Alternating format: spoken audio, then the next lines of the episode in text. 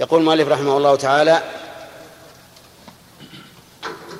يقول بالجر والتنوين والندى وأل ومسند للاسم ومسند بالجر والتنوين والندى وأل ومسند للاسم تمييز حصل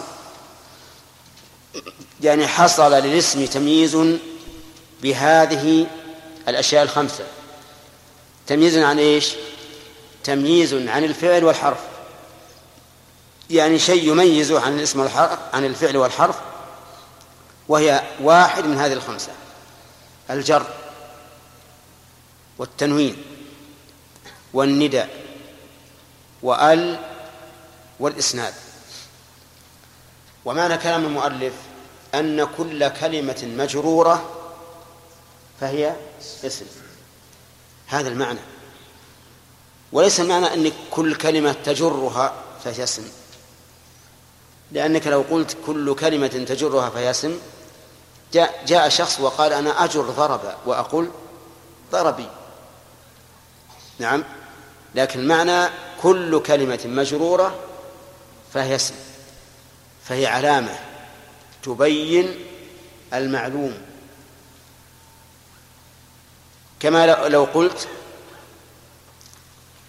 فلان العرب علامتهم لبس العمامة. يعني معناها أن أنهم يتميزون عن غيرهم بذلك. فكلما وجدنا شخصا ذا عمة فهو عربي. كذلك الاسم.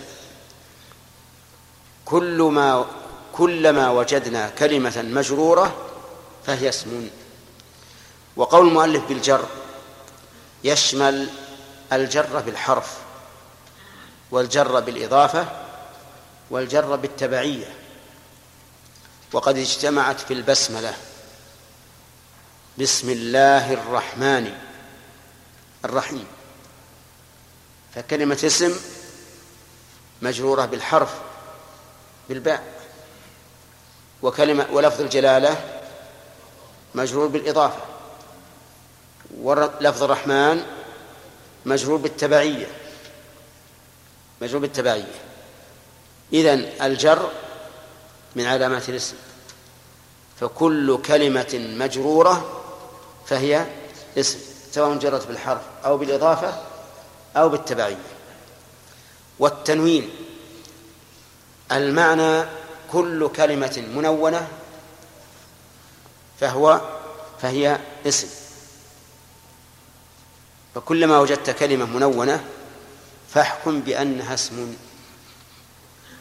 والتنوين نون ساكنة تلحق أواخر الكلم لفظا لا خطا.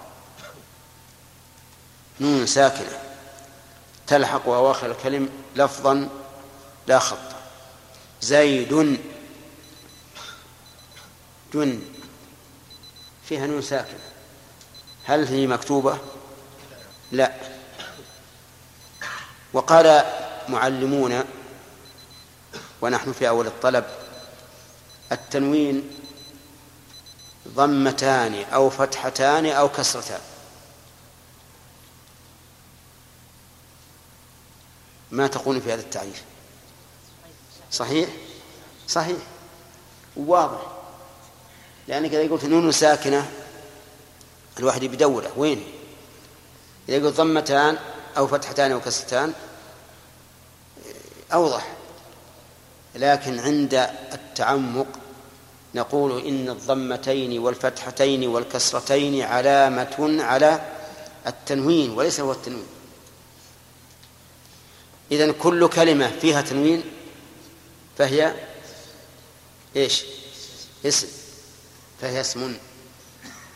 استثنى استثنى بعضهم تنوين الترنم والتنوين الغالي ولكن لا حاجة إلى التطويل نقول المراد بذلك التنوين الذي يكون به الصرف.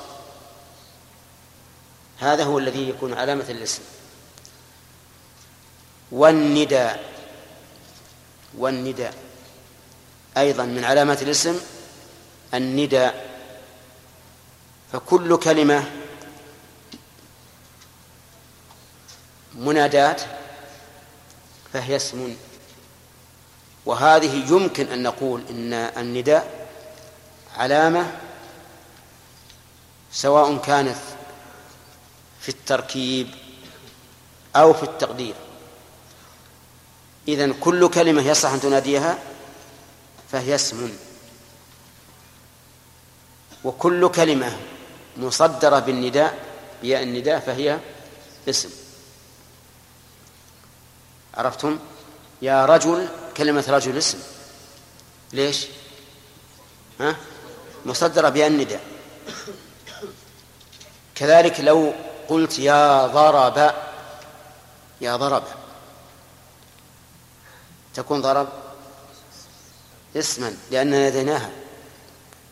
ناديناها. وهذا يعني أننا أن عندنا رجل أو أن عندنا رجلا اسمه ضرب.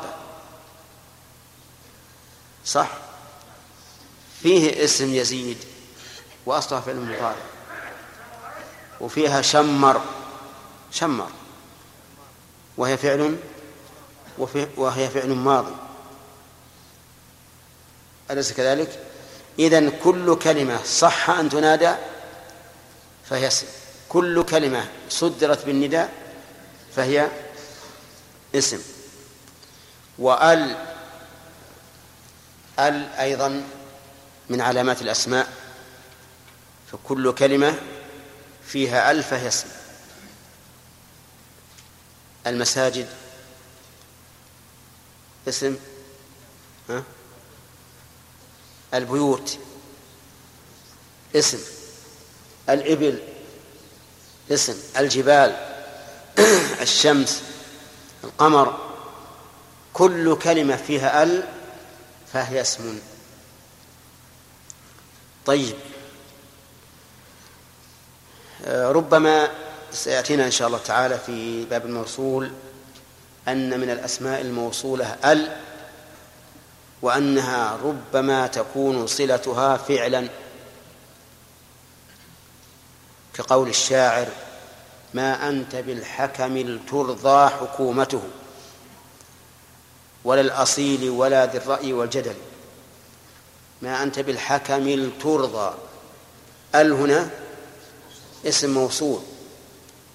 فالمراد إذن في قول المؤلف وأل ما سوى إيش؟ ال الموصولية لأن ال الموصولية قد توصل بالفعل. نعم. طيب. ومسند أي وإسناد. فمسند هنا بمعنى إسناد فهي مصدر ميمي. وليست اسم مفعول. ولكنها مصدر ميمي. أي وإسناد. قال ابن هشام رحمه الله وهذه العلامة عن الإسناد أحسن العلامات لأن من الأسماء ما لا يقبل إلا هذه العلامة. كل ما يقبل العلامات الأربع السابقة يقبل هذه العلامة وليس كل ما يقبل هذه العلامة يقبل العلامات السابقة فهي إذن أعم. وأشمل فكل كلمة يصح أن تسند أن تسند إليها شيئا فهي إيش؟ اسم لو قال لك قائل قمت أتى هل هي اسم؟ ها؟ أتى اسم هل تقبل العلامات السابقة؟ لا لا تجر ولا تنون ولا تنادى ولا تحل بأل. صح؟ طيب. إذا ما الذي دلنا على أنها اسم؟ إسناد القيام إليها. قمت. إسناد القيام إليها. فالإسناد إذن هو أعم العلامات وأحسنها لدخوله على جميع الأسماء. والخلاصة أن للأسماء أن للأسماء خمس علامات التي ذكر ابن القيم ابن مالك. الجر ها تنوين النداء ال والإسناد. خمسة. وأشملها وأعمها الإسناد. وتأتي المناقشة إن شاء الله في الدرس القادم. نعم؟ آه. نعم. أحسن. هذه يقول إن يا ليست للنداء ولكن لها للتنبيه. وعلى القول بأنها للنداء يكون المنادى محذوفا. والتقدير يا ربي ليت قومي يعلمون. عرفت؟ نعم. هذا أيضا ما يمنع. إما أن نجعل يا للتنبيه أو نجعل المنادى محذوف. التقدير ألا يا قوم اسجدوا يسجد. نعم. قام فعل. إيه وقمت فعل لكن أتى اسم. لأن قمت الآن تش... تتضمن شيئين. تتضمن فعلا واسما. ونحن نتكلم عن أتى في قمت. نعم نعم وهو وهو كذلك. كل كلمة أسندنا إليها شيئا فهي, فهي اسم. أتى الآن أسند إليه القيام. لا لا ما هي بالجملة كلها. طيب الكاف في قول في قول قائل مثلا إنك قائم. الكاف اسم. لأنه أسند إليها الخبر. هنا والله أعلم. رضي له وجهه ما بعث مقام اللهم أحسنت. أظن ما في تسميع الليلة. ما في. نعم. الدرس بعد العشاء إن شاء الله.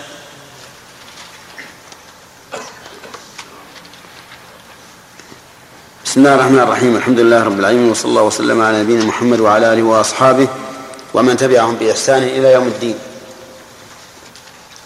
ما هي علامات الاسم التي ذكرها ابن مالك رحمه الله؟ ها؟ نعم. اللي وراء. الجر والتنوين والنداء والتعريف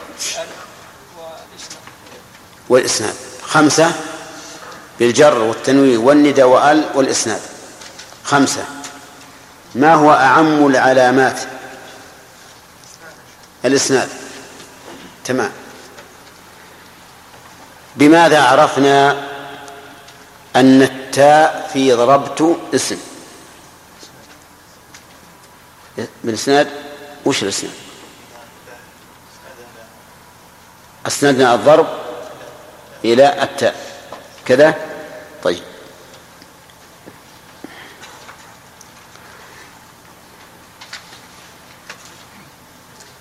الجر.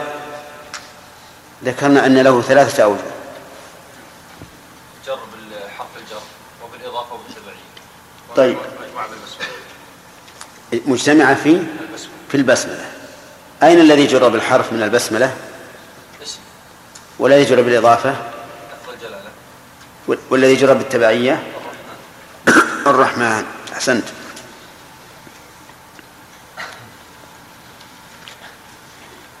إنا أعتدنا للكافرين سلاسل وأغلالا وسعيرا. بما بماذا عرفنا أن أغلالا اسم؟ فضل الله. ها؟ كيف؟ الله المستعان. بالتنوين. طيب سلاسل ما فيها تنوين؟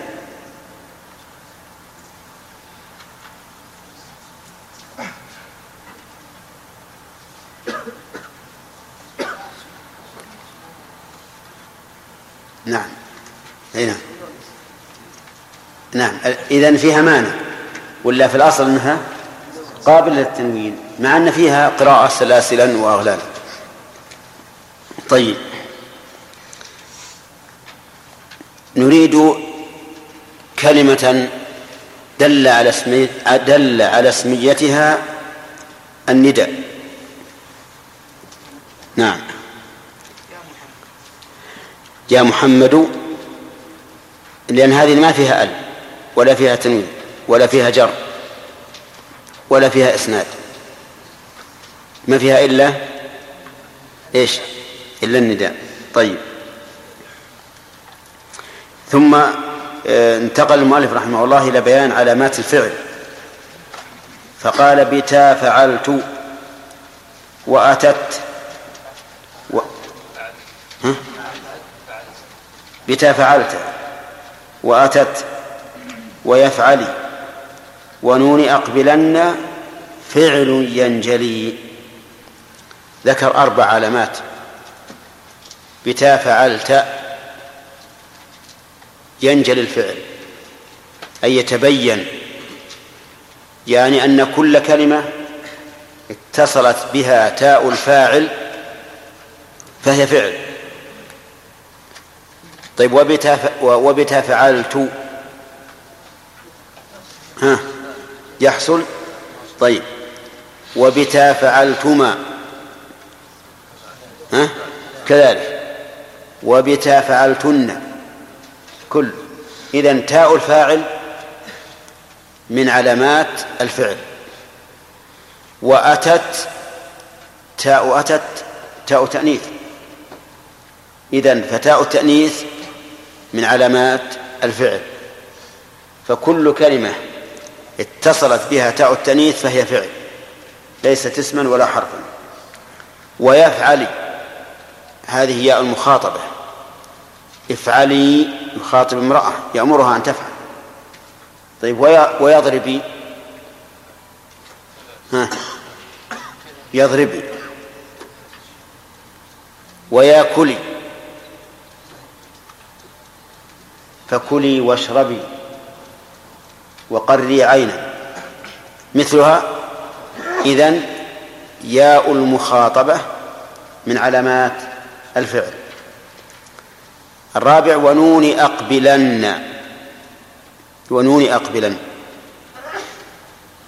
ونون أقبلن هي نون التوكيد. فكل كلمة تقبل نون التوكيد أو فيها نون التوكيد فهي فهي فعل. والمؤلف هنا رحمه الله خلط علامات الأفعال بعضها ببعض ولم يفصل لكنه سيفصل فصار علامات الأفعال أربعة التي ذكر ابن مالك تاء الفاعل وعبر عنها بقوله بتا فعلت وتاء التأنيث الساكنة. وعبر عنها بقوله وأتت وياء المخاطبة وعبر عنها بقوله ويفعل ونون التوكيد وعبر عنها بقوله ونون أقبلا أربع علامات. ثم قال سواهما الحرف سواهما الضمير يعود على الاسم والفعل. الحرف وهو الذي لا يقبل علامات الاسم ولا علامات الفعل. فإذا سئلنا ما, ما علامات الحرف نقول علامته أن لا يقبل علامات الاسم ولا علامات الفعل. ولهذا قال الحريري في الملحة ملحة الإعراب والحرف ما ليست له علامة فقس على قولي تكن علامة. نعم. الحرف ما ليست له علامة. فقس على قولي تكن علامة. طيب. إذن الحرف ما لا ما ليست له علامة. ما لا يقبل علامات الفعل ولا علامات الاسم. واضح يا جماعة؟ طيب. فإذا قلت قد قامت الصلاة قد قامت الصلاة فقد إيش؟ حرف.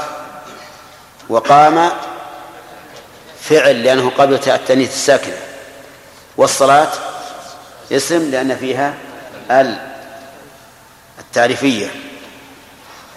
ثم قال فعل مضارع يلي لم كيشم. هنا شرع المؤلف في بيان العلامات الخاصة لكل نوع من أنواع الأفعال. وأنواع الأفعال ثلاثة مضارع وماضي وأمر. علامة الفعل المضارع الخاصة به لم. فكل كلمة تقبل لم فهي فعل مضارع. قال فعل مضارع يلي لم كيشم. وفي إعراب هذا هذا هذا الشطر إشكال لأنه قال فعل فبدأ بالنكرة. والمعروف أن البداءة بالنكرة لا تصح لأن المبتدأ لا بد أن يكون معرفة لأنه محكوم عليه والنكرة لا يحكم عليها. والجواب أن هذه نكرة وصفت وإذا وصفت النكرة تخصصت. ف, ف طيب فعل مضارع يلي لم كيشي هنا نسأل لماذا سمي مضارعا؟ قالوا إن المضارعة هي المشابهة والفعل المضارع يشبه اسم الفاعل في حركاته. فمثلا قائم يشبه في حركاته إيش؟ يقوم. كذلك أيضا إذا قلت يستغفر يستغفر يشبه مستغفر فقالوا إنه يشبه الاسم فلهذا سموه مضارعا. وقوله يلي لم كيشم وش معنى يشم؟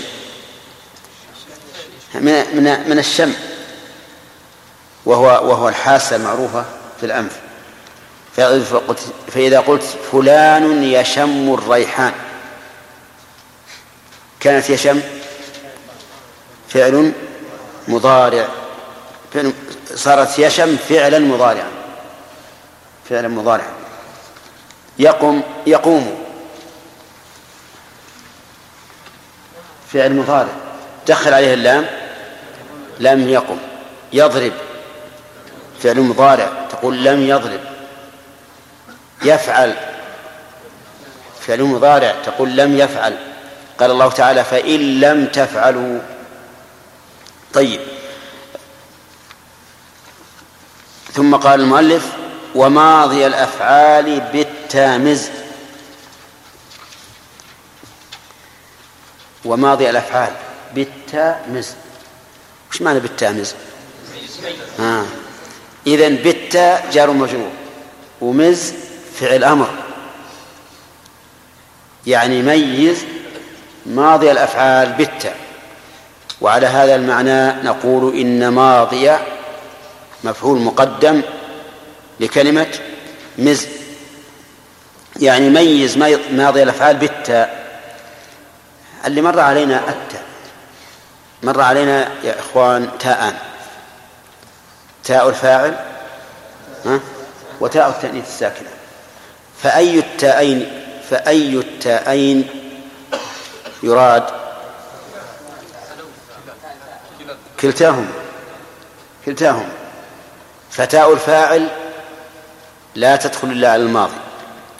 وتاء التانيث الساكنة لا تدخل إلا على الماضي. وعلى هذا فنقول أل في قول ابن مالك بالتاء أل للعهد. ها الذكري. أي أنها تشير إلى تاء سبق ذكرها. وهي بتاء فعلت وأتت. فالماء فالفعل الماضي يتميز عن المضارع والأمر بقبول التاء. بقبول التاء. ثم قال وسم بالنون فعل الأمر إن أمر فهم. سم بالنون. سم يعني اجعل سمة فعل الأمر والسمة هي العلامة. اجعل اجعل سمته أي علامته النون.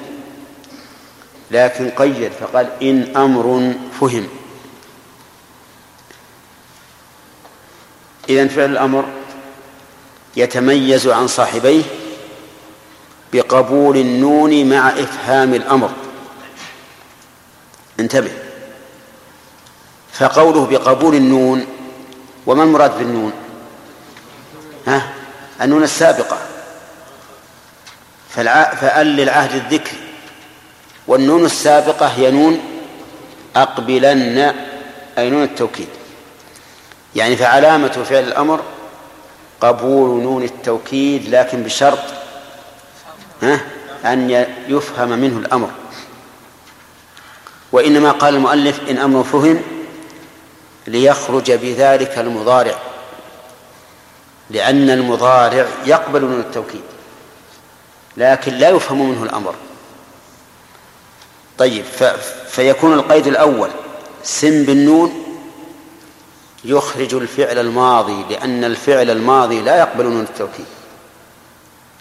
وإن أمر فهم يخرج المضارع لأن المضارع لا يفهم منه الأمر. انتبه. تميزت الآن الأفعال بعضها من بعض. يتميز الفعل الماضي عن صاحبيه بماذا؟ بقبول التاء تاء الفاعل وتاء التأنيث. ويتميز المضارع عن صاحبيه بقبول لم. ويتميز الأمر عن صاحبيه بقبول نون التوكيد مع دلالته على الأمر مع دلالته على الأمر. هل تدخل نون التوكيد على المضارع؟ أنا قلت إنها تدخل. ومن ذلك قوله تعالى ثم لتسألن يومئذ عن النعيم. طيب فإذا قال إذا قال قائل أليس الفعل المضارع تدخل فيه النون مع الدلالة على الأمر فيما إذا اقترنت فيما إذا اقترنت به لام الأمر. مثل أن تقول لتفهمن أيها الطالب. فالجواب بلى لكن فهم الأمر ليس من الفعل بل هو من من اللام. ومراد ابن مالك بقوله إن أمر فهم أي أن الأمر يفهم من نفس الكلمة. لا من أمر خارج والمضارع إذا فهم منه الأمر في قول القائل لتفهمن فإنما كانت الدلالة هنا آه، باللام. لا من حيث صيغة الفعل. طيب. تميزت الآن الأنواع الثلاثة بعضها عن بعض. ثم قال والأمر إن لم يكن للنون محل فيه هو اسم نحو صه وحي هل أشار المؤلف في هذا البيت إلى أنه إذا كان إذا كانت الكلمة تدل على معنى الفعل ولكن لا تقبل علامته فإننا نسميها اسم فعل. نسميها اسم فعل. مثل الصح بمعنى اسكت. وأص بمعنى اسكت. نعم. ومه بمعنى كف.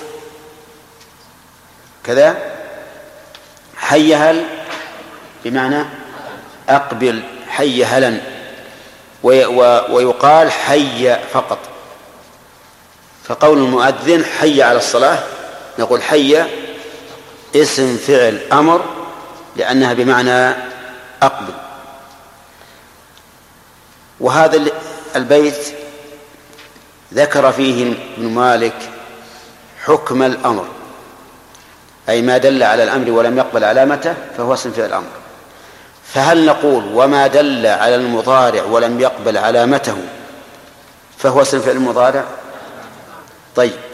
وما دل على الماضي ولم يقبل علامته فهو اسم فعل ماضي؟ نعم هو كذلك. إذا نأخذ قاعدة هنا. أن ما دل على معنى الفعل ولم يقبل علامته فهو اسم لذلك الفعل. قاعدة. فقوله تعالى هيهات هيهات لما توعدون؟ هذه اسم فعل. إيش؟ ماضي لأنها بعد بمعنى بعد. وكذلك شتان ما بينهما. بمعنى بعد أيضا. هذه اسم فعل ماضي ولا تقل لهما أف فلا تقل لهما أف. اسم فعل إيش؟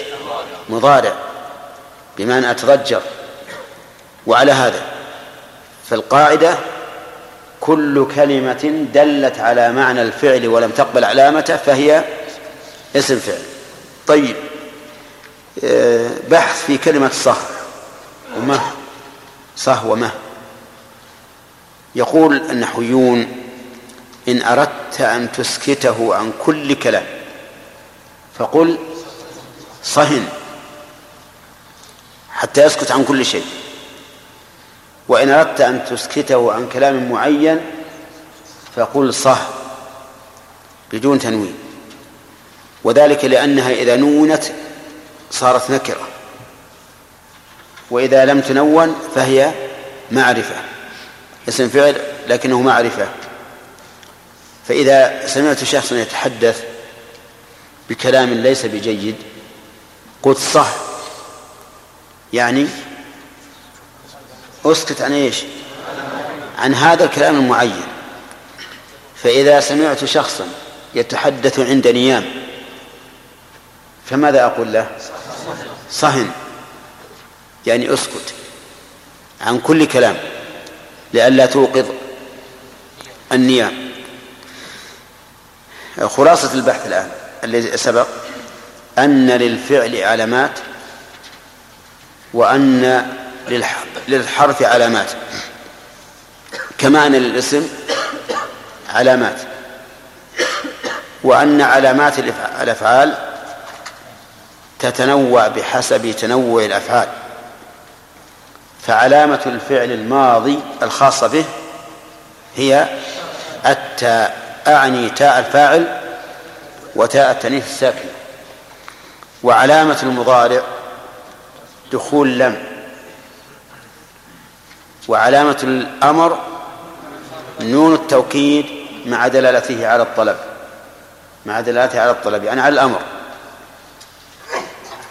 هل هناك علامات أخرى للأفعال؟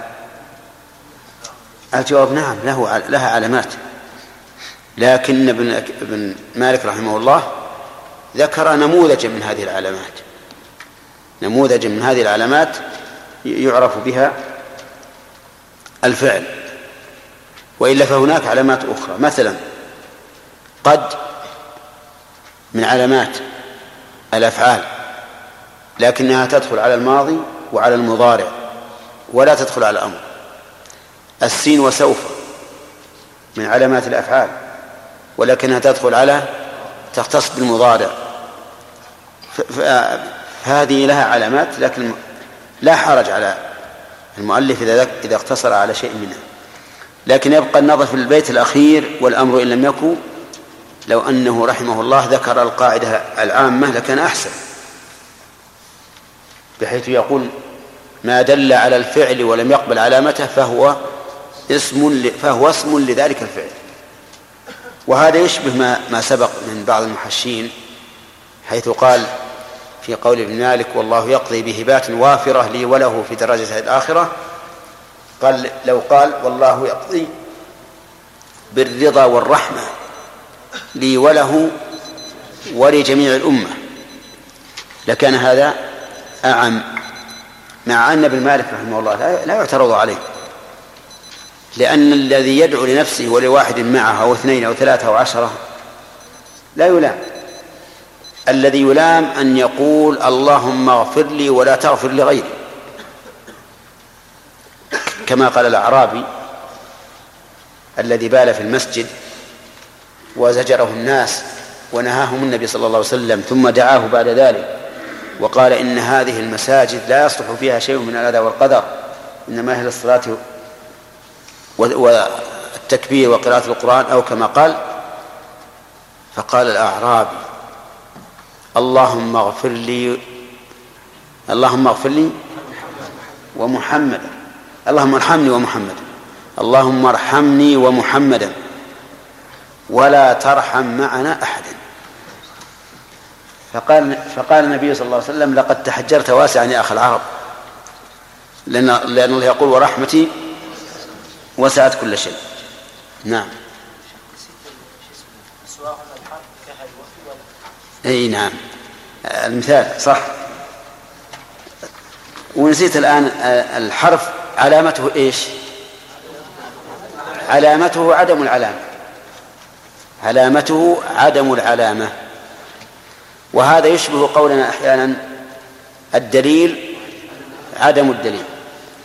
وقول المؤلف كهل وفي ولم. مثل بثلاثة حروف منها خاص ومنها عام. هل عامة تدخل على الأسماء وعلى الأفعال. وفي ها تدخل على الأسماء فقط لأنه من حروف الجر. ولم على الأفعال على الفعل المضارع خاصة أيضا. فالمؤلف رحمه الله نوع آه، الأمثلة ليشير إلى أن الحرف يكون مختصا ويكون مشتركا. والغالب أن الحروف المشتركة لا تعمل وأن الحروف العام الخاصة تعمل. هذا الغالب. الغالب في الحروف الخاصة أنها تعمل فيما تختص به ما يختص بالاسم يعمل بالاسم وما يختص بالفعل يعمل, بالفعل. وأما الحروف العامة المشتركة فلا تعمل. ولهذا تجدون كلمة هل تعمل أو لا تعمل؟ لا تعمل. تقول هل تعلم أن فلانا قد بدأ بدراسة ألفية بن مالك هل تعلم؟ هل أثرت في الفعل شيئا؟ لا. في خاصة بالاسم فتعمل فيه. تعمل فيه إيش؟ الجر. لم خاصة بالفعل تجزمه. طيب لا النافية مشتركة ولا ولا خاصة؟ لا النافية. يا إخوان لا مشتركة. مشتركة. تقول لا رجل في البيت ولا امرأة وتقول آه، لا يفعل فلان كذا وكذا. ولذلك لا تعمل. لا النافية لا تعمل. ولا الناهية خاصة بإيش؟ بالفعل المضارع. ولهذا تعمل فيه الجزم. تعمل فيه الجزم. طيب.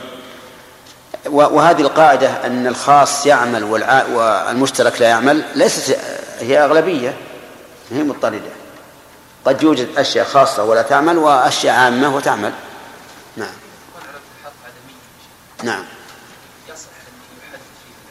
اي نعم إذا كان إذا كان أخواه لهما علامة. ولهذا جيم حاء خاء. وش علامة الحاء؟ ها؟ إي نعم. والجيم والخاء علامتها النقط نعم يا يوسف. لا ما جزمت بارك الله فيك. لكن سكنت للروي. لو لم لو لو لو, لو لم تكن في آخر البيت لقلنا لك يشم لا لا ما على الجزم إيه مثال للمضارع فقط. ما هو للمضارع المجزوم؟ مثال للمضارع فقط. دخل خرج الوقت. ما هي العلامة؟ المميزة للفعل الماضي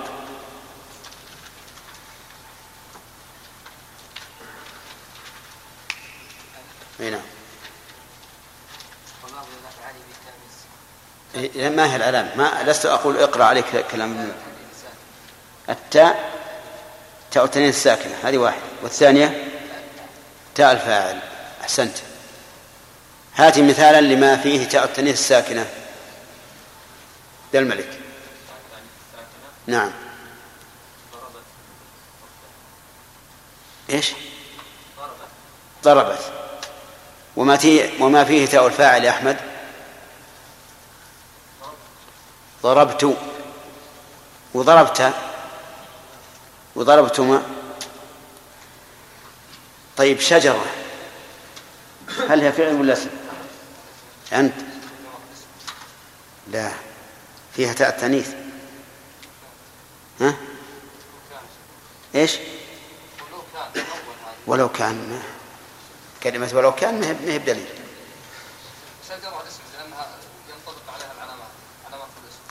إيه لكن ما الذي أخرجها عن تاء التأنيث وش نسوي؟ تنازع فيها الآن علامة الاسم وعلامة الفعل.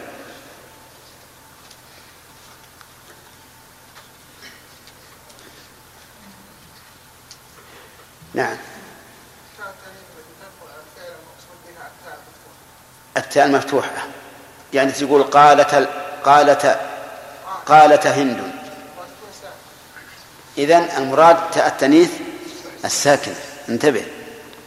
تاء التانيث الساكنة لأنه قال وأت- وأتت.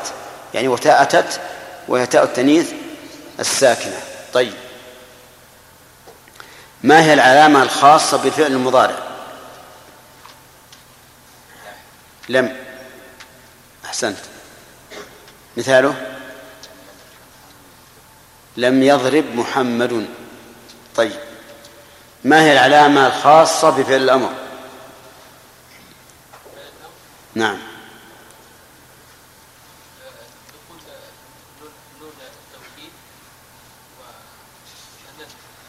النفي؟ كيف؟ شلون التأكيد والنفي؟ إحنا التوكيد ما هو ما هي علامة الفعل المضارع. الفعل الأمر. لأن تدخل على المضارع. ثم لتسألن يومئذ. ها؟ أي طيب. وتسألن. طيب. إذا ما صارت علامة خاصة بال- بالأمر.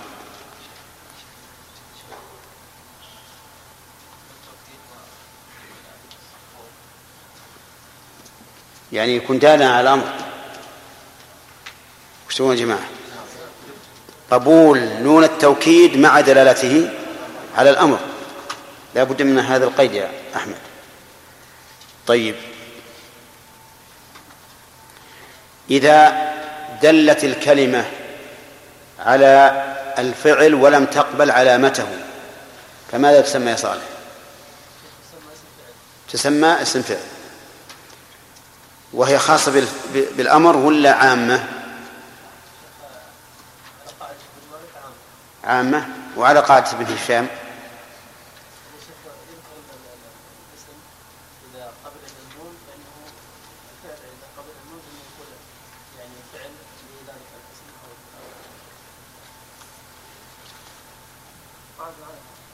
عامة.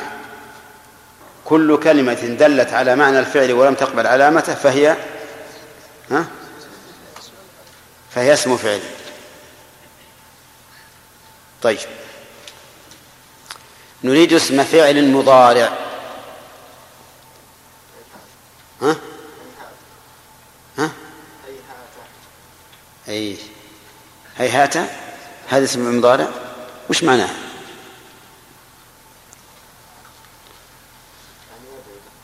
يبعد. لويت عنقها فكسرته.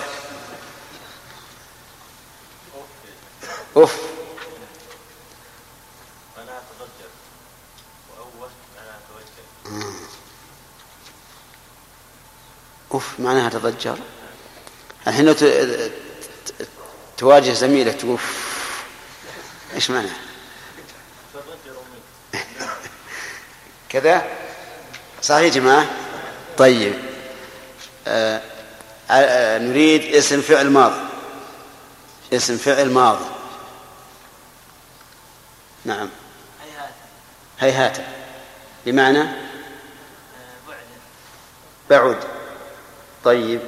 شتان بمعنى افترق شتان أي افترق وهيهات يعني بعد. إنما القاعدة. إذا دلت الكلمة على معنى الفعل ولم تقبل علامته فهي اسم فعل هذه القاعدة.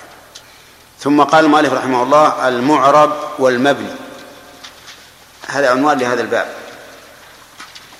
وبدأ بالمعرب لشرفه. وبالمبني لأن مرتبته دون المعرب. ولأن المبني أقل من من المعرب. والمعرب أكثر. المعرب يقول المؤلف آه، نعم بين المؤلف رحمه الله في هذا الباب ما هو المعرب والمبني من الأسماء والأفعال والحروف أيضا. ما هو المعرب من الأسماء والأفعال والحروف؟ أما الأسماء فقسمها إلى قسمين. قال والاسم منه معرب ومبني. منه معرب مبتدأ وخبر. المبتدأ معرب والخبر منه. ومبني الواو حرف عطف. ومبني ها؟ لا. مبني مبتدأ. خبر محذوف. والتقدير ومنه مبني. لأنك لو قلت منه معرب ومبني جمعت بين الضدين. ولكن الواقع أن منه معربا ومنه مبنيا. ونظير هذا التعبير قوله تعالى فمنهم شقي وسعيد فمنهم شقي وسعيد. ما يصلح تقول سعيد معطوف على شقي؟ بل تقول سعيد مبتدأ خبره محذوف. أي ومنهم ومنهم سعيد. هنا منه معرب ومنه مبني طيب ما هو المعرب؟ المعرب ما يتغير آخره بحسب العوامل. ما يتغير آخره بحسب العوامل فهو معرب. مثل زيد. زيد أدخل عليه قام تقول زيد قام زيد؟ أدخل عليه ضربت. تقول ضربت زيدا تغير. أدخل عليه حرف الجر. تقول سلمت على زيد أو مررت بزيد. فتجد أن آخره تغير بحسب العوامل. هذا معرب. وسمي وسمي معربا لأنه يفصح عن المعنى لأنه إذا تغيرت الحركات فهم المعنى. فلهذا سمي معربا. المبني هو ما لزم حالا واحدة وإن شئت فقل ما لا يتغير أح ما لا يتغير آخره باختلاف العوامل. ما لا يتغير آخره باختلاف العوامل يعني قد يتغير لكن ما هو باختلاف العوامل. فمثل حيث فيها حيث وحيث وحيث وحوث أو حوث. لكن هذا الاختلاف هل هو من أجل اختلاف العامل؟ لا اختلاف لغة فالمبني إذن تعريفه ما لا يتغير آخره باختلاف العوامل بل هو باق على ما هو عليه. لكن ما سبب ما سبب البناء؟ أنا أقول ولست بنحوي سبب البناء وروده عن العرب. سبب البناء وروده عن العرب. أي أن العرب جعلوا هذه الكلمة مبنية لم يغيروها باختلاف العوامل والكلمة الأخرى معربة يغيرونها باختلاف العوامل. فالحاكم في الألفاظ إعرابا وبناء هو ما سمع عن العرب. ما سمع عن العرب. لكن مع ذلك أهل الفن أهل الفن يعني عن النحويين التمسوا عللا التمسوا عللا للبناء. واختلفوا في هذه العلل وأكثرهم على ما قال ابن مالك لشبه من الحروف مدني أي سبب بناء الأسماء قربها من الحروف. قربها من الحروف. في الشبه. والحروف مبنية ولا معربة؟ مبنية. كل الحروف مبنية. فما قاربها شبها من الأسماء أعطي حكمها. هكذا ذهب المؤلف رحمه الله وأكثر النحويين. أما أنا ولست بنحوي فأقول منه مبني إيش؟ لسماع ذلك عن العرب. وانتهى. الشبه أنواع. يقول لشبه من الحروف مدني أي مقرب. أما الشبه البعيد فلا عبرة به. لكن الشبه المقرب يجعل الكلمة مبنية. قال كالشبه الوضعي في اسمي جئتنا.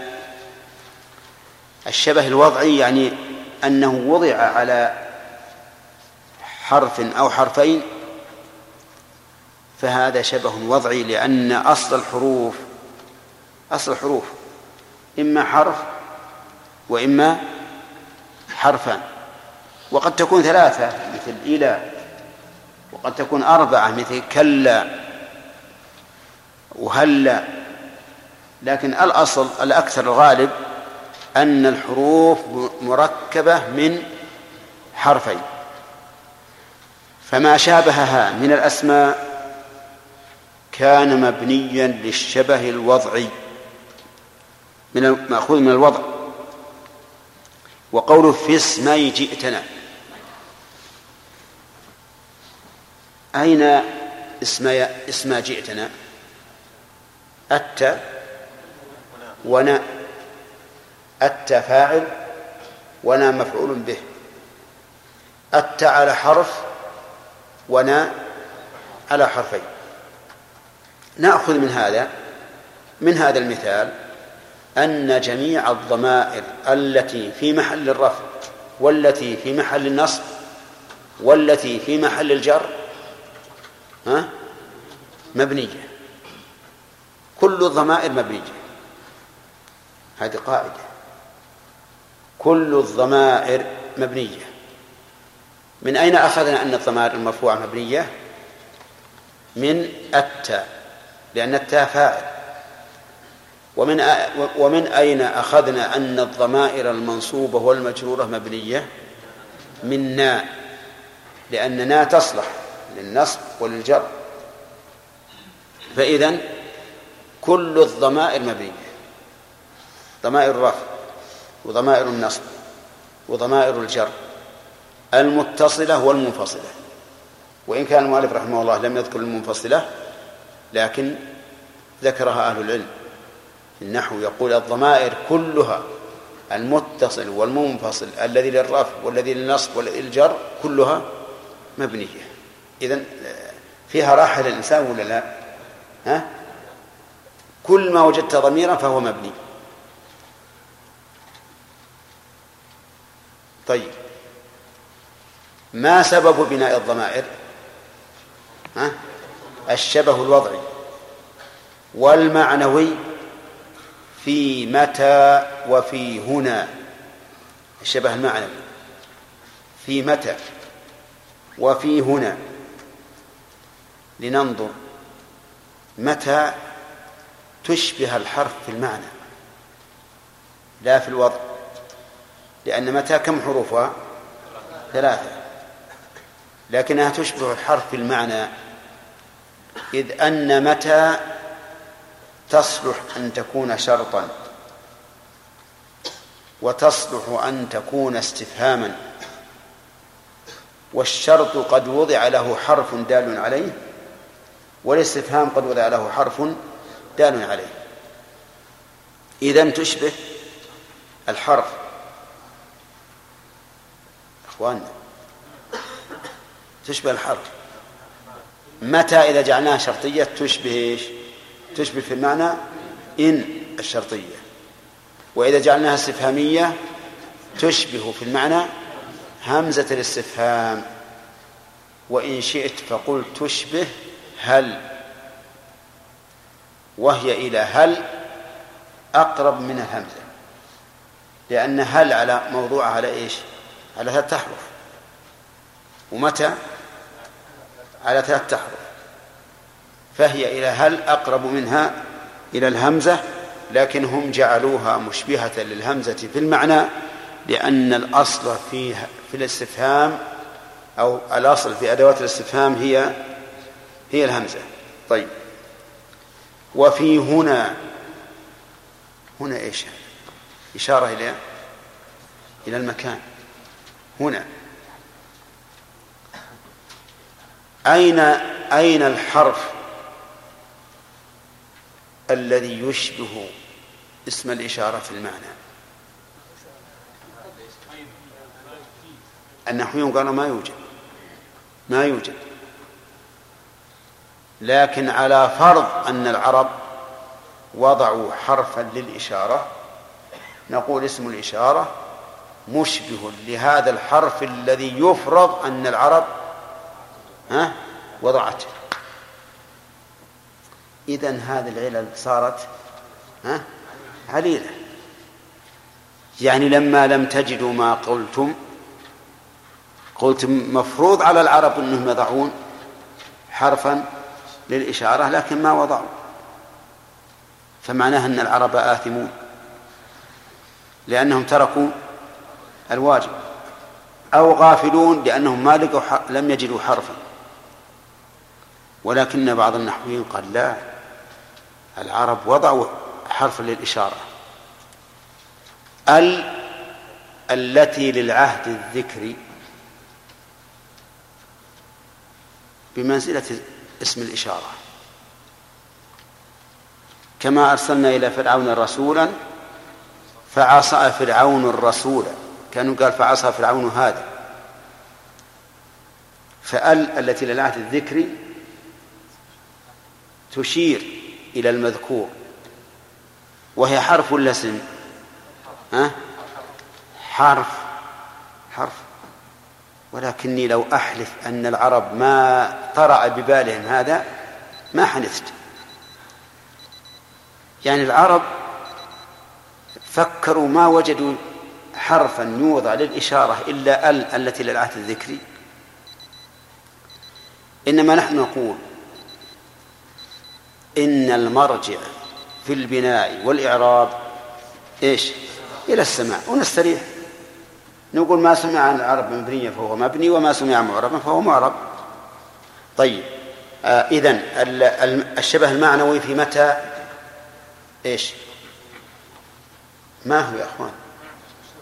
إيه معنى ما هو؟ ما هو؟ الاستفهام والشرط. فالاستفهام موضوع له الهمزة وهي أم الباب والشرط موضوع له إن وهي أم الباب. أما هنا فليس هناك حرف موضوع للإشارة إلا أنهم قالوا كان المفروض على العرب أن يضعوا ولكن لم يضعوا. طيب. وكنيابة عن الفعل بلا تأثر. انتبهوا. هذا الثالث ولا الرابع؟ الثالث. الشبه النيابي شبه النيابي يعني أن يشبه الحرف في النيابة عن وذلك بالعمل بلا تأثر بلا تأثر بالعوامل لأن الحرف يعمل ولا يتأثر يعمل ولا يتأثر فهو يعمل ولا يعمل فيه. صح ولا لا؟ إي نعم. هو باق على ما هو عليه لكن يعمل فيه تعمل الجر. ولكن ما يعمل فيها. أنت لو قلت مثلا جلست في المسجد تقول جلست فعل وفاعل وفي مفعول به. لا. وش أقول؟ حرف جر. المسجد مجرور بفي الآن في عملت ولم يعمل فيها. فما شابه الحرف من هذه الناحية أي صار يعمل ولا يعمل فيه فهو مبني. ما هو؟ ما هذا؟ قالوا هذا اسم الفعل. هذا اسم الفعل. فجميع أسماء الأفعال مبنية. بالله عليكم أيما أسهل أن نقول للناس أسماء الأفعال مبنية أو أن نقول ما شابه الحرف في كونه يعمل ولا يعمل فيه مبني. أو نقول كما قال ابن مالك بعد أن ينوب آه، بلا تأثر. أن ينوب عن الفعل بلا تأثر. فعندنا ثلاث جمل. جميع أسماء الأفعال مبنية. ما شابه الحرف في كونه يعمل ولا يعمل فيه مبني. دور عاد كلمات العرب كلها افتح القاموس من أول إلى آخر. الذي يعمل ولا يعمل فيه. الثالث ما ناب عن الفعل بلا تأثر بالعوامل فهو مبني. أيهما أسهل؟ ها الأول. إذا نقول أسماء الأفعال مبنية وننتهي طيب. قوله وكنيابة عن الفعل بلا تأثر يعني أن يعمل ولا يعمل فيه خرج بذلك المصدر النائب عن فعله فإنه ينوب عن الفعل ولكن بتأثر. مثل أن تقول ضربا زيدا بمعنى اضرب زيدا. فكلمة ضربا هنا غير مبنية مع أنها تعمل ولا يعمل فيها. لكنها تتأثر بالعوامل. تتأثر بالعوامل فلذلك لم تكن مبنية. طيب إذا خرج به المصدر الذي يعمل عمل فعله فإنه لا يكون مبنيا لأنه أي يا أخوان؟ لأنه يتأثر بالعوامل. لأنه يتأثر بالعوامل. كلمة ضرب تقول يعجبني ضرب زيد عمرا وتقول أنكرت ضرب زيد عمرا وتقول عجبت من ضرب زيد عمرا. فتجدون كلمة ضرب تتأثر ولا لا؟ تتأثر بالعوامل. إذن فلا تدخل فتخرج بقول ابن مالك رحمه الله عن الفعل بلا تأثر. الشبه الرابع قال وكافتقار أصلا. كافتقار أصلا يعني كشبه في الافتقار الأصلي. ويشير بذلك إلى الأسماء الموصولة. يشير بذلك إلى الأسماء الموصولة. ولو قال ابن مالك أو غيره من العلماء والأسماء الموصولة. أيما أوضح أن نقول وما شابه الحرف في افتقار أصلي. أو نقول والأسماء الموصولة. ها؟ الثاني. إذن الأسماء الموصولة كلها مبنية. كل الأسماء الموصولة مبنية. واحترز بقوله افتقار أصل بقول أصل احترز به عما إذا كان الافتقار عارضا فإنه لا يوجب البناء. إذا كان الافتقار عارضا فإنه لا يوجب البناء. مثال العارض الصفة للنكرة. صفة النكرة عارضة. تقول مررت برجل يشكو ألما في رجله. أنت تريد أن تبين حال الرجل لا بد أن تقول يشكو ألما في رجله. لكن هذا هذا الافتقار إيش؟ هذا عارف هذا عارف. لو أردت أن لا تبين وقلت مررت برجل استقام الكلام. طيب. كذلك أيضا لا بد أن يكون الافتقار إلى جملة أو شبهها. فإن كان الافتقار إلى مفرد لم تكن الكلمة مبنية. مثل سبحان. سبحان مفتقرة إلى إلى الإضافة لأنها دائما مضافة ما تأتي مفردة. ومع ذلك هي معربة. لماذا؟ لأن افتقارها إلى غير جملة لا لجملة. طيب أسماء الموصولة إذن مبنية. إذ وإذا مفتقرتان إلى الجمل فتكونان مبنيتين مع أنه يمكن أن نستغني عن عنهما بأن نقول إذا إذا كانت ظرفا صحيح. العلة في بناء الافتقار لكن إذا كانت شرطا فهي تشبه الحرف في إيش؟ في المعنى. نرجع لنعرف ما هي الأسماء ما هي الأسماء المبنية؟ الضمائر. مأخوذة من قول المؤلف؟ في اسمي جئتنا. أسماء الشرط من قوله متى؟ أسماء الاستفهام. من قوله متى؟ أسماء الإشارة. من قوله هنا. أسماء الأفعال.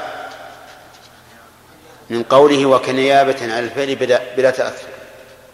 الأسماء الموصولة من قوله وكافتقار وصلا فيكون المؤلف ذكر لنا ستة أبواب مبنية.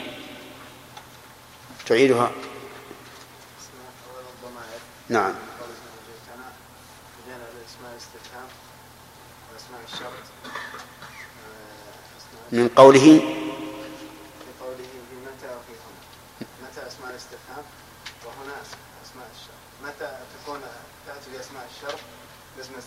باسم الشرط إذا أسماء الشرط والاستفهام من قوله متى؟ آه. الرابع. أسماء الإشارة. في قوله هنا. من قوله هنا متى وفي هنا وكنيابة عن الفعل بلا تأثر يكون يدخل فيها كنيابة عن الفعل بلا تأثر تكون اسم الفاعل أسماء. لا تلتبس عليك.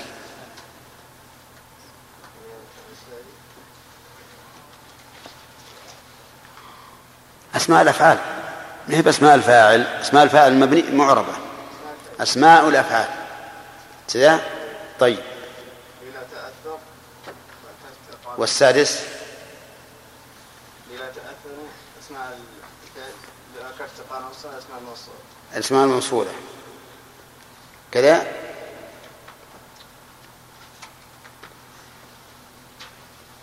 هذه هي الأسماء المبنية. طيب الأسماء المبنية هل تتأثر بالعوامل؟ ها؟ لا.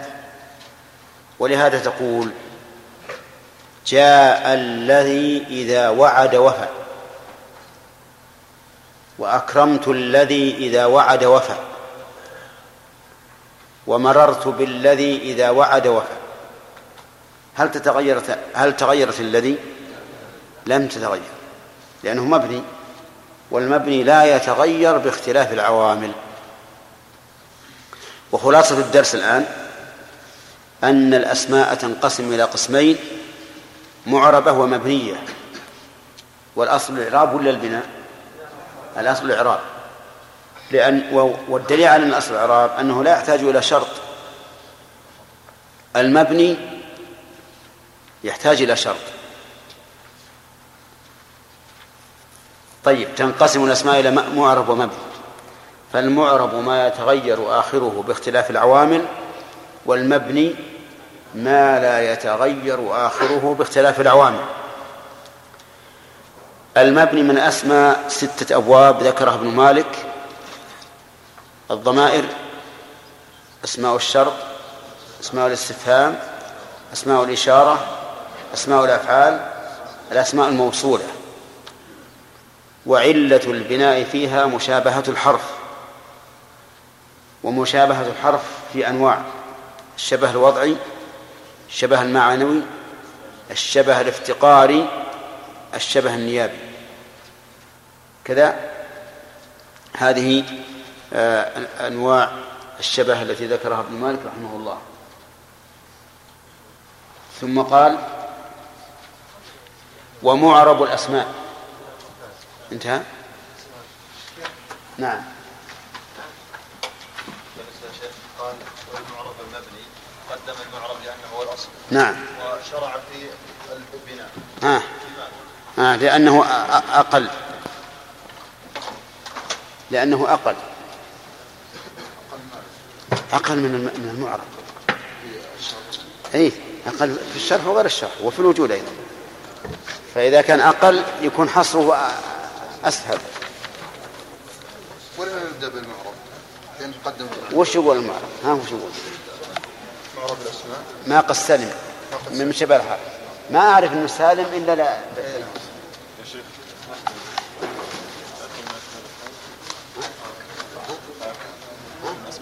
إيه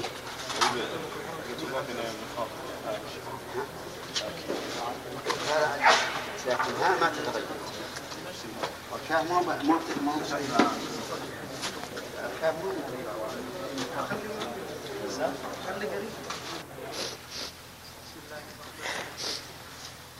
قال المصنف رحمه الله تعالى المعرب والمبني من الافعال وفعل أمر ومضي بني ها؟ ومعرب الاسماء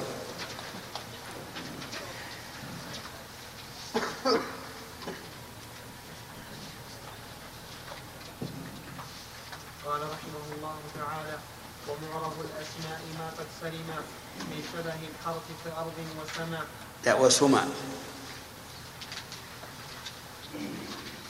كأرض وسمى ومعرب الأسماء ما قد سلم من شبه الحرف كأرض وسمى وفعل أمر ومضي بنيا وأعرب مضارعا إن عريا من نون توكيد مباشر ومن نون إناث كيرؤن من قتل وكل حرف مستحق للبناء والأصل في المبني أن يسكنا ومنه ذو فتح وذو كسر وضم. أمس حيث والساكن تم بسم الله الرحمن الرحيم. الحمد لله رب العالمين والصلاة والسلام على نبينا محمد وعلى آله وأصحابه أجمعين.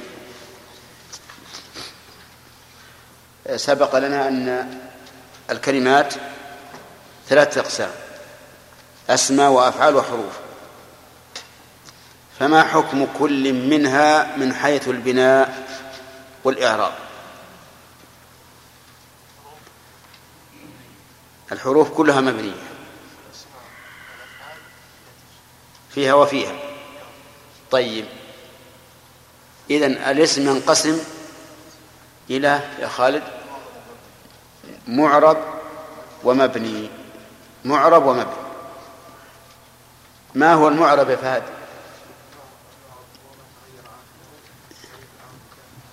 ما تغير؟ باختلاف الأعوامل طيب. والمبني أحمد. نعم. ما هي علة البناء عند ابن مالك؟ بدر. ما حضرت. وإذا لم تحضر لم تراجع. يفوتك الشيء. إذا إن كانك إن كانك عازم على قراءة الألفية. فهمت؟ فاللي يفوتك راجع. محمد شرف. عنده مشابهة الحرف صح. أنواع الشبه عند ابن مالك عبد الله أربعة.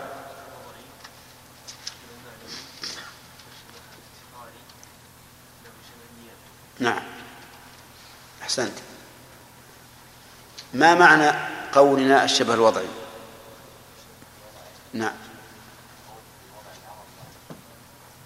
أن يشبه الحرف بكونه موضوعا على حرف أو حرفين. طيب. مثال الذي على حرف يا أحمد. نعم. التاء في قوله جئت. وعلى حرفين يا عبد عبد الله. نعم. جئتمونا. طيب. صح.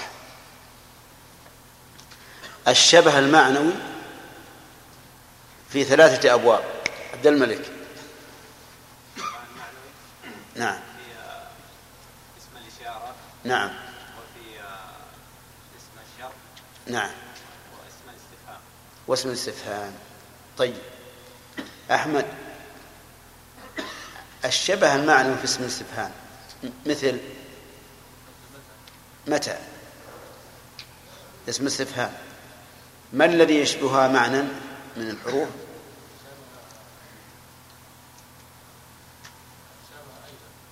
لا. لا. الهمزة همزة الاستفهام وإن شئت تقول هل أيضا. آه، ما الذي يش- يشبه متى الشرطية من الحروف؟ إن الشرطية. أحسنت. ما الذي يشبه اسم الإشارة؟ اسم الإشارة.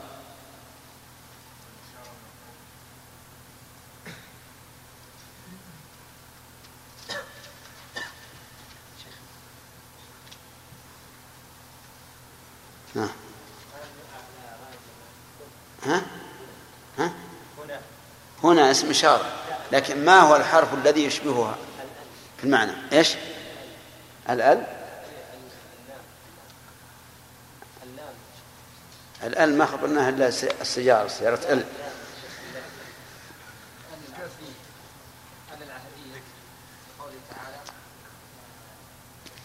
هل ال- الذي الذين تمحلوا من النحاة ما نريد التمحل هذا؟ نعم منصور. ها؟ قالوا إن العرب لم تضع حرفا للإشارة. كذا؟ لكن من, من واجبها أن تضع إلا أنها أهملت هذا الواجب والواجب يثاب فاعله ويعاقب تاركه. كذا؟ طيب. آه الخلاصة طيب. آه الذي. الذي يشبه الفعل الحرف في النيابة.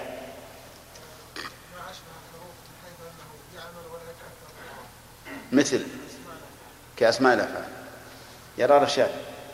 ما أشبه الحرف الافتقار. نعم. المؤلف يقول الصلع الصلة. احترازا. الافتقار عارضا. ها؟ مثل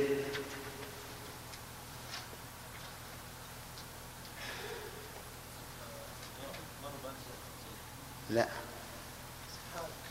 ها؟ لا. هذا استفهام مفتقر إلى غير جملة. نعم. طيب. افتقار لا تقرب الصلاة إلى إلى وأنتم سكارى هذا عارض. أو افتقار النكرة إلى صفتها الفعلية. طيب. وإذا أردنا أن نستخلص الأبواب التي تكون مبنية فكم هي؟ كم هي وما هي؟ اللي أخذ ما نعم. ستة. وما هي؟ نعم. نعم. الأسماء الموصولة اسماء الإشارة واسماء الشرط واسماء الموصولة و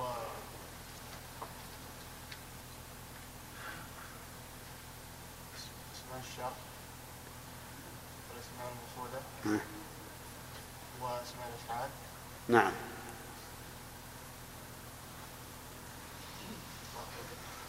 ضاع زكي. الضمائر والضمائر.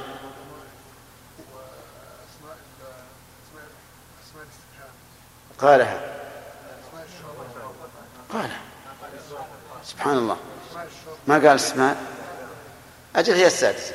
انتهى. إذا ستة أبواب الضمائر. وأسماء الشر. وأسماء الاستفهام. والأسماء الموصولة وأسماء الإشارة وأسماء الأفعال. ستة أبواب. هذه اللي تبنى.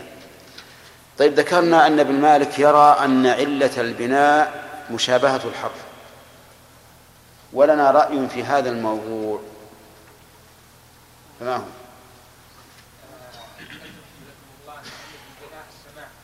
أن علة البناء السماع وبهذا نستريح ونريح. طيب.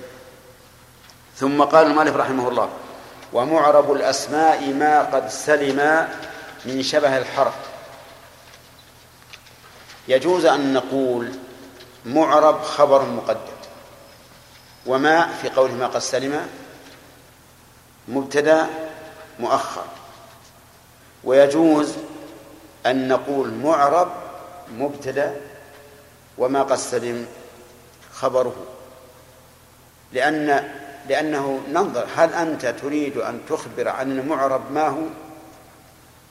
أو أن تخبر عن ما سلم من مشابهة الحرف هل هو معرب أو لا. إن كان الثاني فمعرب خبر وإن كان الأول فمعرب مبتدأ. والمعنى لا يختلف المعنى لا يختلف. يقول ما قد سلم ما قد سلم بالألف. الألف هنا ليست للتثنية بل هي للإطلاق إطلاق الشطر شطر البيت. من شبه الحرف كأرض كأرض وسماء وهذا مقابل قوله لشبه ومبني لشبه من الحروف المدن. فإن قال قائل لماذا يقول. لماذا قال معرب الأسماء ما قد سلم وهو مفهوم من قوله ومبني لشبه من الحروف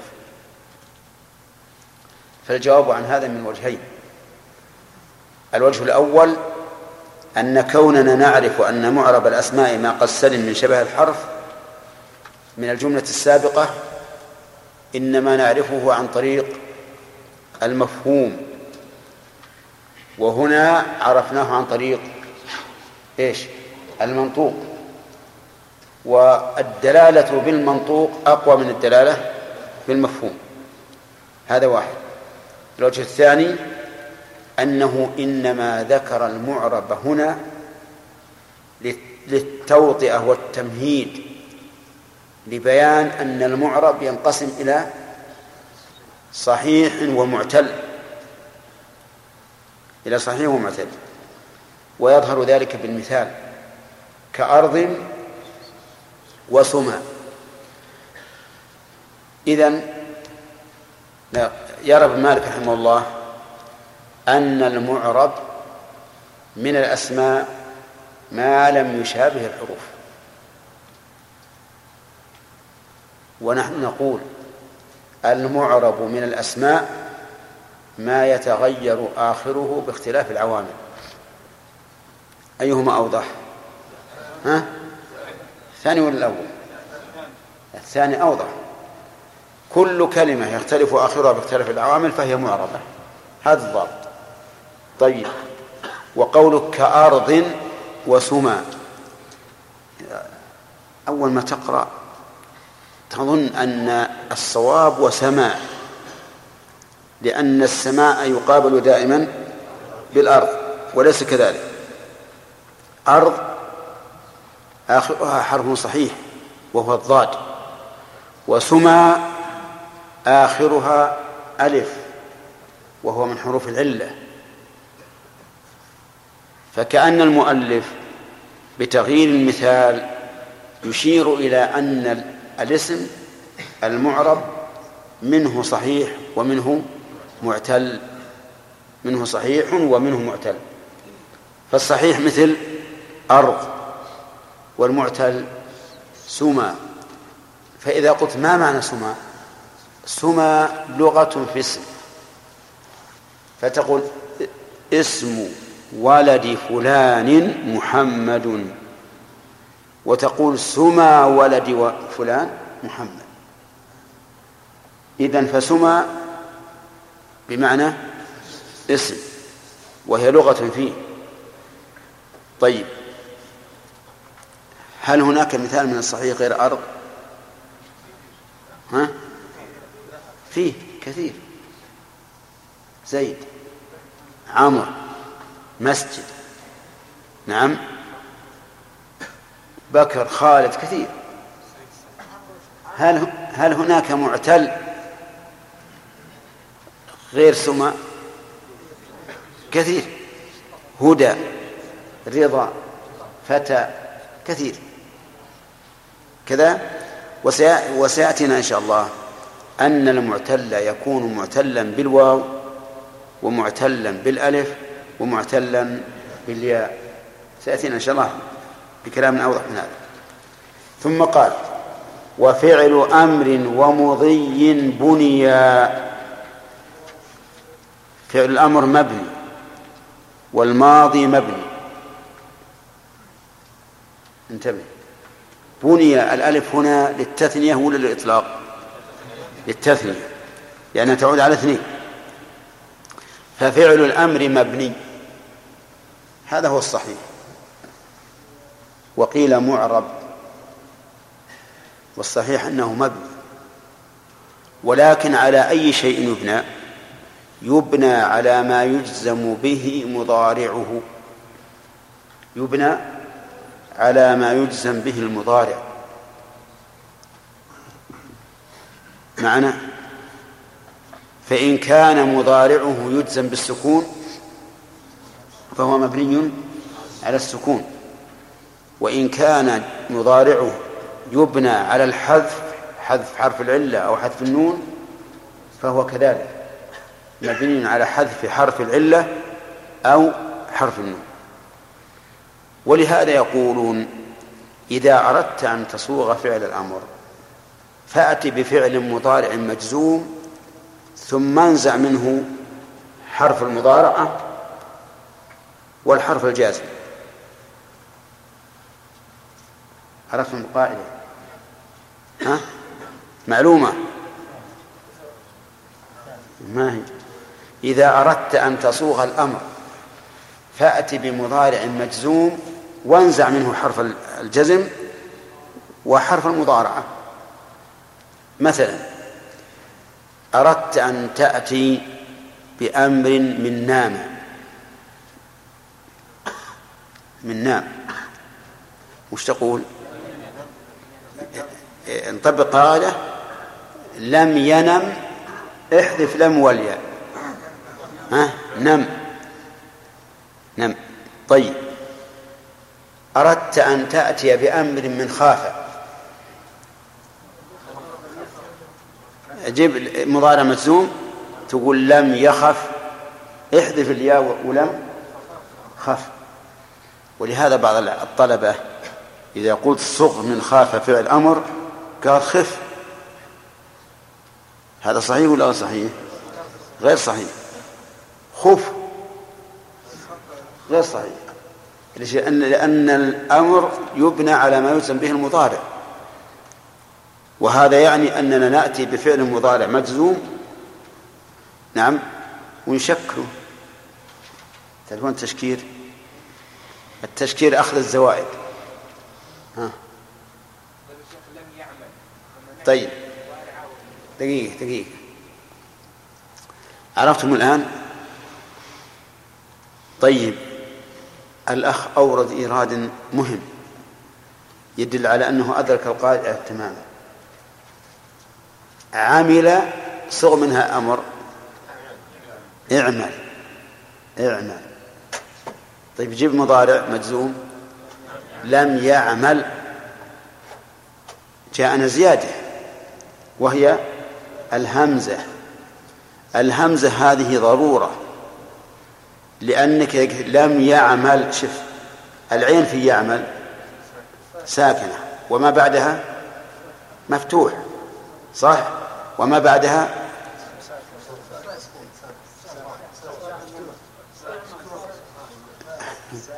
مفتوح مسكون مرفوع. ما أدري مسكون بعد هذه لغه جديدة. طيب. لم يعمل آه يعمل. هات الياء مفتوحة. العين ساكنة. الميم مفتوحة. اللام ساكنة. طيب. احذف ال- الجازم وحرف المضارعة. وين حرف المضارعة؟ الياء. حذفنا الياء. ولم. سيقابلنا حرف ساكن. وهي العين. الحرف الساكن ما يمكن تنطق به إلا بهمزة وصل. لا يمكن تنطق به إلا بهمزة وصل. إذن كيف نقول؟ اعمل. اعمل. طيب. صغ أمرا من ضرب. طبقها القاعدة. لم يضرب. حذفنا لم والياء. ها؟ تأتينا أضداد ساكنة لا يمكن ننطق بها إلا بهم- بهمزة وصل فنقول اضرب. طيب. من دعا. ها؟ لم يدعو. احذف لم وحرف المضارعة. ادعو. الهمزة هذه جبناها ليش؟ للضرورة لضرورة النطق. لأنه ما يمكن تنطق بالساكن أبدا إلا بهمزة وصل. من وقع. إيه، طيب قي كيف عرفنا قي؟ نجزم نجيب مضارع مجزوم. نقول لم يقي. نعم. احذف يا اللي ولم تقول قي. من قاء من قاء. إيه إن- نطبقه لم يقئ صح؟ الأمر؟ قئ. قئ. طيب. من وعى. عي لكن ما كيف عرفنا عي؟ لأن أصله لم يعي. حذفنا الياء واللام أو لم فصارت عي. وفى. لم يفي. ثم نحذف الياء وما قبلها. تقول في. تمام؟ وبهذا نقول فعل الأمر يبنى على ما على ما يلزم به المضارع. يبنى على ما يلزم به المضارع. طيب. ال- الماضي. يقول المؤلف فعل أمر ومضي. على أي شيء يبنى؟ يبنى على الفتح وعلى السكون وعلى الضم يبنى على الفتح والسكون والضم يبنى على الضم إذا اتصلت به واو الجماعة. تبارك. يبنى على الضم إذا اتصلت به واو الجماعة. مثل ضربوا. أكلوا فهموا لعبوا ناموا. ها؟ وهذا وهذا. ها؟ لا لا. ما ما تأتي. طيب. يبنى على إذا اتصلت به واو الجماعة. ويبنى على السكون إذا اتصلت به تاء الفاعل. أو ناء الفاعل. ضربت وضربنا. ضربت وضربنا. يبنى على إيه؟ على السكون وإن شئت فقل إذا اتصل